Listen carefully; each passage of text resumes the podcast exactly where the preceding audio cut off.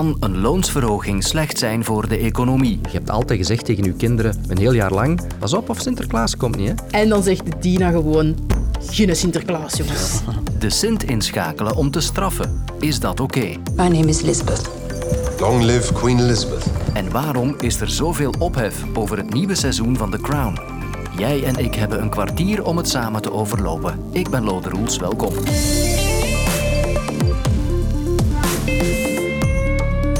Als je deze podcast beluistert, dan is de Nationale Actie- en Stakingsdag bijna achter de rug of zelfs al helemaal afgelopen. De vakbonden voerden onder meer actie omdat ze willen dat er een echte loonsverhoging komt, bovenop de index, die sowieso stijgt als het leven duurder wordt. De hele dag hebben we argumenten voor en tegen gehoord.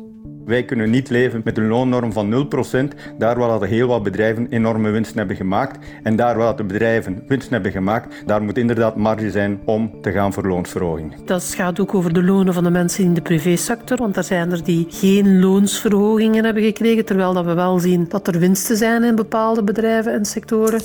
Onze Vlaamse ondernemingen begrijpen absoluut niet dat er vandaag gestaakt wordt, terwijl onze bedrijven het echt moeilijk hebben met de stijgende energiekosten, de stijgende loonkosten, de automatische koppeling van de lonen en de index. Deze staking brengt de welvaart van onze Vlamingen en van onze Vlaamse ondernemingen echt in gevaar. En daarnaast heb je bij ons het indexsysteem dat algemeen van toepassing is, waardoor bijvoorbeeld heel veel eh, werknemers in januari 10% eh, opslag zullen krijgen. En dat geeft natuurlijk wel hoge kosten voor bedrijven. Dus we zitten eigenlijk allemaal samen in de miserie. Ja, mensen hebben het lastig en bedrijven maken winst, dus moet er ruimte zijn voor extra loon. Versus bedrijven hebben het zelf ook krap. Extraatjes zijn nu uit een boze en een loonsverhoging is zelf slecht voor de economie. Wie heeft er gelijk? Ik wil het vragen aan professor economie Paul de Grauwe van de KU Leuven. We gaan het proberen. Hè? Hallo. Meneer de Grauwe, goedemiddag, Loderoels hier. Ja, goedemiddag. Mag ik u meteen onze centrale vraag voorleggen? Is een loonsverhoging nu wel of niet een goed idee? Nee, eigenlijk niet. Ik denk niet dat het een goed idee is om een loonsverhoging door te voeren boven de index. Laten we niet vergeten dat België waarschijnlijk het land is in Europa die ervoor gezorgd heeft dat de werknemers en de uitkeringsgerechtigden het best beschermd zijn. Er is eigenlijk geen ander land in Europa waar dat op die manier uh, is doorgevoerd. En ik vrees dat als de werknemers dan nog iets extra willen, dat dat eigenlijk te veel is. Dus de indexering zou moeten volstaan. Niet iedereen profiteert van die indexering natuurlijk. Wel, de gemiddelde Belg profiteert daar dus wel van. Maar ja, het is wel zo dat sommige mensen, vooral uh, lagere inkomens boven het, eh, de armoedegrens, daar wat meer last van hebben. Hè. Dat is zeker zo, omdat het aandeel van energie in hun budget hoger is dan, dan voor andere mensen. Een deel van de, de bevolking heeft daar meer last van en wordt dus onvoldoende gecompenseerd door de loonindexering. Maar er is een ander deel in de bevolking die waarschijnlijk overgecompenseerd wordt. Hè. Dus dan moeten we een mechanisme proberen waarbij we aan de mensen die, die overgecompenseerd worden een bijdrage te doen om de anderen te kunnen uh, bijstaan. Maar het loonpeil voor iedereen verhogen lijkt mij niet de juiste manier. Op wie doelt u dan, de mensen die overgecompenseerd worden? Ja, mensen met een hoger inkomen. Dus uh, ik bijvoorbeeld. Uh, ik denk dat ik waarschijnlijk overgecompenseerd word. Het is een herverdelingsprobleem. Hoe kunnen we daar recht trekken? Dat is niet gemakkelijk politiek, hè? Vakbonden zeggen ook, bedrijven hebben dit jaar historisch hoge miljardenwinsten gemaakt. Er is dus wel degelijk ruimte om iets extra te doen, klopt dat? Het is natuurlijk wel zo dat een deel van het bedrijfsleven het goed doet, hè? maar toch is dat maar een, een gemiddelde. En dus er zijn er toch ook heel wat die, die dat niet ervaren. De bedrijven zeggen ook, ja, wij prijzen onze goederen en diensten en vooral ook onze jobs uit de markt, omdat we met de loonhandicap uh, zitten tegenover de buurlanden als de lonen hier te snel stijgen. Klopt dat? Dat klopt voor een deel. Ik heb naar de cijfers gekeken de laatste twintig jaar. Ondanks loonindexeringsmechanismen in België hebben wij geen competitiviteitsverlies geleden. En tot nu toe hebben we dus eigenlijk ook nog geen competitiviteitsverlies geleden. Waarom is dat? Omdat die andere landen een ander mechanisme hebben. Dus in plaats van de lonen te indexeren aan de inflatie, aan de prijsindex uit het verleden, gaan zij onderhandelingen aangaan waarbij ze telkens zich de vraag stellen, wat zal, het, wat zal de toekomstige inflatie zijn? En uiteindelijk dus kom je dan op hetzelfde punt terecht als ons land eigenlijk. Op, precies, op iets langere termijn komt dat op hetzelfde neer. Natuurlijk, de timing kan verschillen. Hè. Bij ons gaat dat nu wel wat sneller zijn. Plots in januari hè, is daar een bedrijf, een KMO, en je moet je, je lonen met 10% verhogen. En de energieprijzen zijn al gestegen enzovoort. En dat kan inderdaad op dat moment de competitiviteitspositie van een aantal bedrijven in gevaar brengen. Maar op, op iets langere termijn zal dat dus niet het geval zijn. Ja, de meeste mensen redeneren. Als ik meer loon krijg, dan geef ik meer uit en dat is goed voor de economie, hoe dan ook. De redenering uh, klopt in die zin dat elke loonstijging uh, tot gevolg heeft dat de mensen meer geld hebben en dus meer kunnen uitgeven. Natuurlijk, we zitten nu vandaag in een situatie waarbij vele mensen denken een recessie komt op ons af. Dus de toekomst ziet er niet zo goed uit. En dan zou het wel kunnen dat die loonstijging die de mensen ervaren eigenlijk niet leidt tot meer uitgaven, maar gewoon opgepot wordt. Hè? En dan natuurlijk gaat dat positieve effect heel zwak zijn. En dat is een beetje het gevaar. Oké, meneer De Grauwe, dank u wel. Graag gedaan.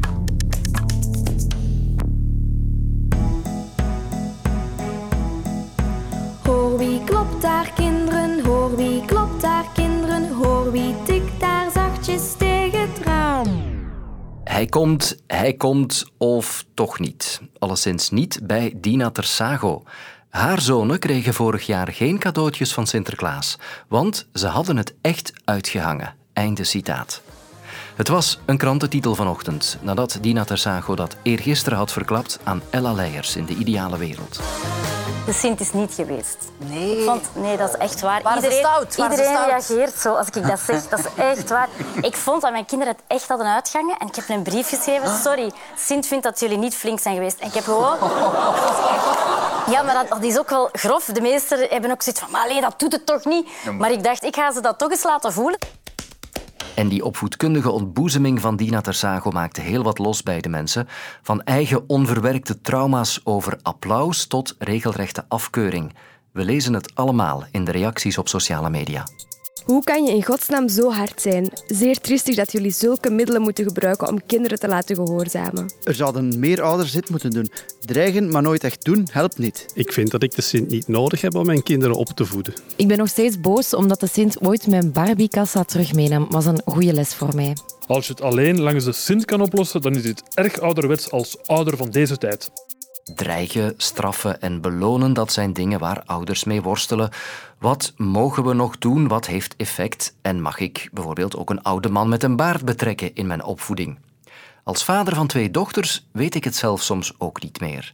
En dus roep ik een hulplijn in. Pedagoog Filip Noens. En misschien ook maar vermelden dat ik dan auteur ben van het boek. Mogen we nog wel straffen? Laten we zeggen dat eh, gezinsopvoeding mijn core business is. De Sinterklaas cadeaus schrappen als de koters niet zo flink zijn geweest. Is dat een goed idee? Zeker en vast, want uh, ze verwijst naar haar gezinssituatie. En ze zegt van kijk, ik ken mijn kinderen het best en mijn kinderen hebben eigenlijk die boodschap vrij goed begrepen. Die zeiden van oei, wat gebeurt er nu? Het belangrijkste bij een straf is dat kinderen begrijpen dat er consequenties zijn aan hun acties. En dat was hier dus duidelijk het geval. Ja, wacht hoor. Dreigementen in de opvoeding? Ik dacht dat dat echt niet meer kon. Dreigen is onderdeel van, eh, laten we zeggen, de toolbox die ouders hebben om tussen beiden te komen. Men zegt dan wel eens dat je consequent moet zijn en tot op zekere hoogte klopt dat ook wel. Maar dat hangt ook vooral af van hoe je zelf in het leven staat en hoe je zelf omgaat met jouw rol als ouder.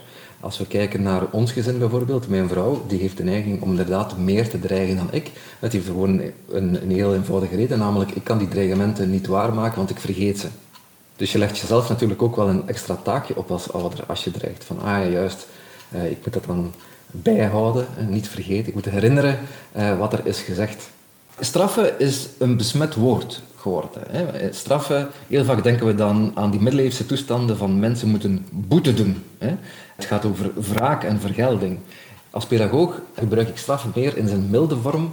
Straffen is eigenlijk een manier van weerstand bieden. Hè. Onze kinderen spreken ons tegen. Die doen soms lastig. Die leggen onze adviezen en onze waarschuwingen naast zich neer. Dat is eigenlijk hun taak bij het opgroeien, bij het groot worden. Maar het is evengoed onze taak om daar tegenin te gaan. Om niet al hun verlangens, behoeftes en noodjes in te willigen en om duidelijk te maken dat het in deze wereld niet zozeer gaat over hun hoogstpersoonlijke zelfontplooiing, hun verlangens, maar vooral over het leren samenleven met elkaar. En daarom moeten we als ouders soms grenzen afbakenen en zeggen van kijk, tot hier en niet verder, niet alles draait om jou. Hoor ik daar nu eigenlijk zeggen dat ouders te soft zijn geworden in hun opvoeding? Ik denk dat er een bepaalde aarzeling is gekomen om onze kinderen op hun strepen te zetten. Te soft niet, omdat elke ouder het beste voor heeft met zijn kinderen en dus zich gedwongen voelt om tussen beiden te komen. Hè. Maar als kinderen begrijpen dat er consequenties volgen op hun acties en als die strafmaat in het verlengde ligt met wat zij hebben gedaan, hè, dan begrijpen ze ook wel van oké, ik krijg deze week of deze maand geen zakgeld of oké, ik moet vroeger naar bed of oké, ik mag niet naar dat feestje. Hè. Uh, we zijn misschien wel wat vergeten dat onze kinderen, die kunnen best tegen een stootje. Hè. Die zijn niet zo kwetsbaar als dat wij denken.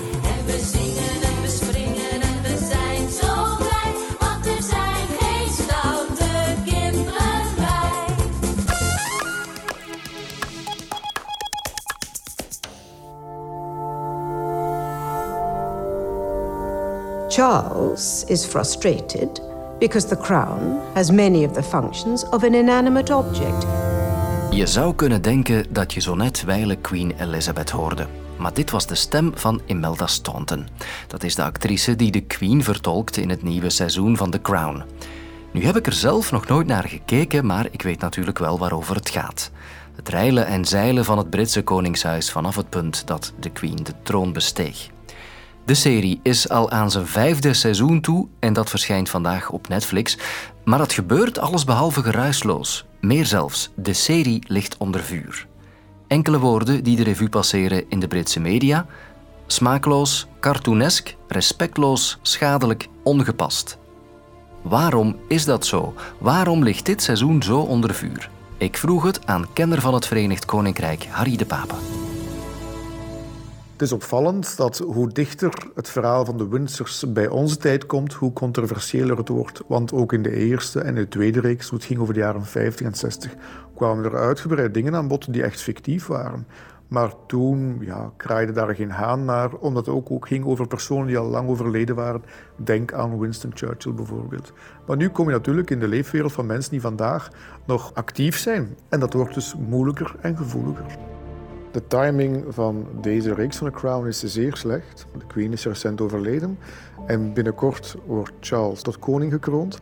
En je ziet onder meer in die reeks een, een scène waarbij Charles, de toenmalige premier, John Major, probeert te overtuigen om de Queen tot aftreden te dwingen. Dat is nooit gebeurd. Dat gesprek heeft nooit plaatsgevonden. De oud-premier zegt ook in alle talen: Ik heb dit gesprek nooit gevoerd. Dat is pure nonsens.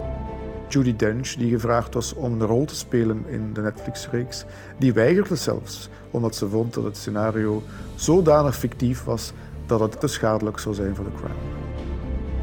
Trouwens, daarnaast heb je heel het verhaal nog van Diana, dat ook helemaal aan bod komt. En Diana hangt als een soort geest boven de Windsors. Haar populariteit overschaduwde altijd de bestaande monarchie, bedreigde ook bij haar dood die monarchie. En men is bang dat heel die gevoelens die toen leefden in 1997, wanneer Diana gestorven is, die gevoelens terug naar boven zullen komen en de monarchie zouden kunnen schaden. Daarnaast nog had je heel die figuur van Camilla, die ook in Netflix-reeks wordt afgebeeld als een vrij onsympathieke vrouw. En men is nu ook wel bang dat dat beeld van die onsympathieke Camilla nu ook zal afstralen op de binnenkort gekroonde koningin Camilla. Wat uiteraard ook een rol zal spelen is hoe Harry, de zoon van Diana en Charles, de jongste zoon, binnenkort zijn biografie publiceert en waarin ook een aantal dingen zullen staan die wellicht ook ongemakkelijk zullen zijn voor koning Charles. Die biografie zal wellicht dingen onthullen, uh, intieme verhoudingen, misschien ook de houding van de royal family ten opzichte van Meghan. Dus dat gecombineerd met deze Netflix-reeks, dat zal ongetwijfeld, denk ik, voor zeker angstzweet zorgen in Buckingham Palace. Of het een effect zal hebben, dat weet ik niet. Want het valt me ook op dat zelfs vaak kritische geluiden uit de Britse pers, zoals The Guardian, een linkse progressieve krant, die toch wel kritisch kan zijn over de monarchie, nu ook vindt dat The Crown te ver gaat. Dus wellicht kan het misschien ook een ander effect hebben. dat er misschien meer mensen, eh, zoals men in het Engels zegt, rallying around the crown, meer mensen zich gaan verenigen rond die kroon. Op 6 mei 2023 wordt Charles gekroond en we gaan dan zien hoeveel effect de crown effectief heeft gehad op de kroon zelf. Dat geeft mij in elk geval dan nog even de tijd om alle seizoenen van The Crown te bekijken. Het kwartier is er morgen opnieuw. Tot dan. Luister ook naar 90 Minutes, waarin onder meer Sam Kerkhoffs en Steven de Voer de voetbalactualiteit bespreken. Nu in de app van VRT Max.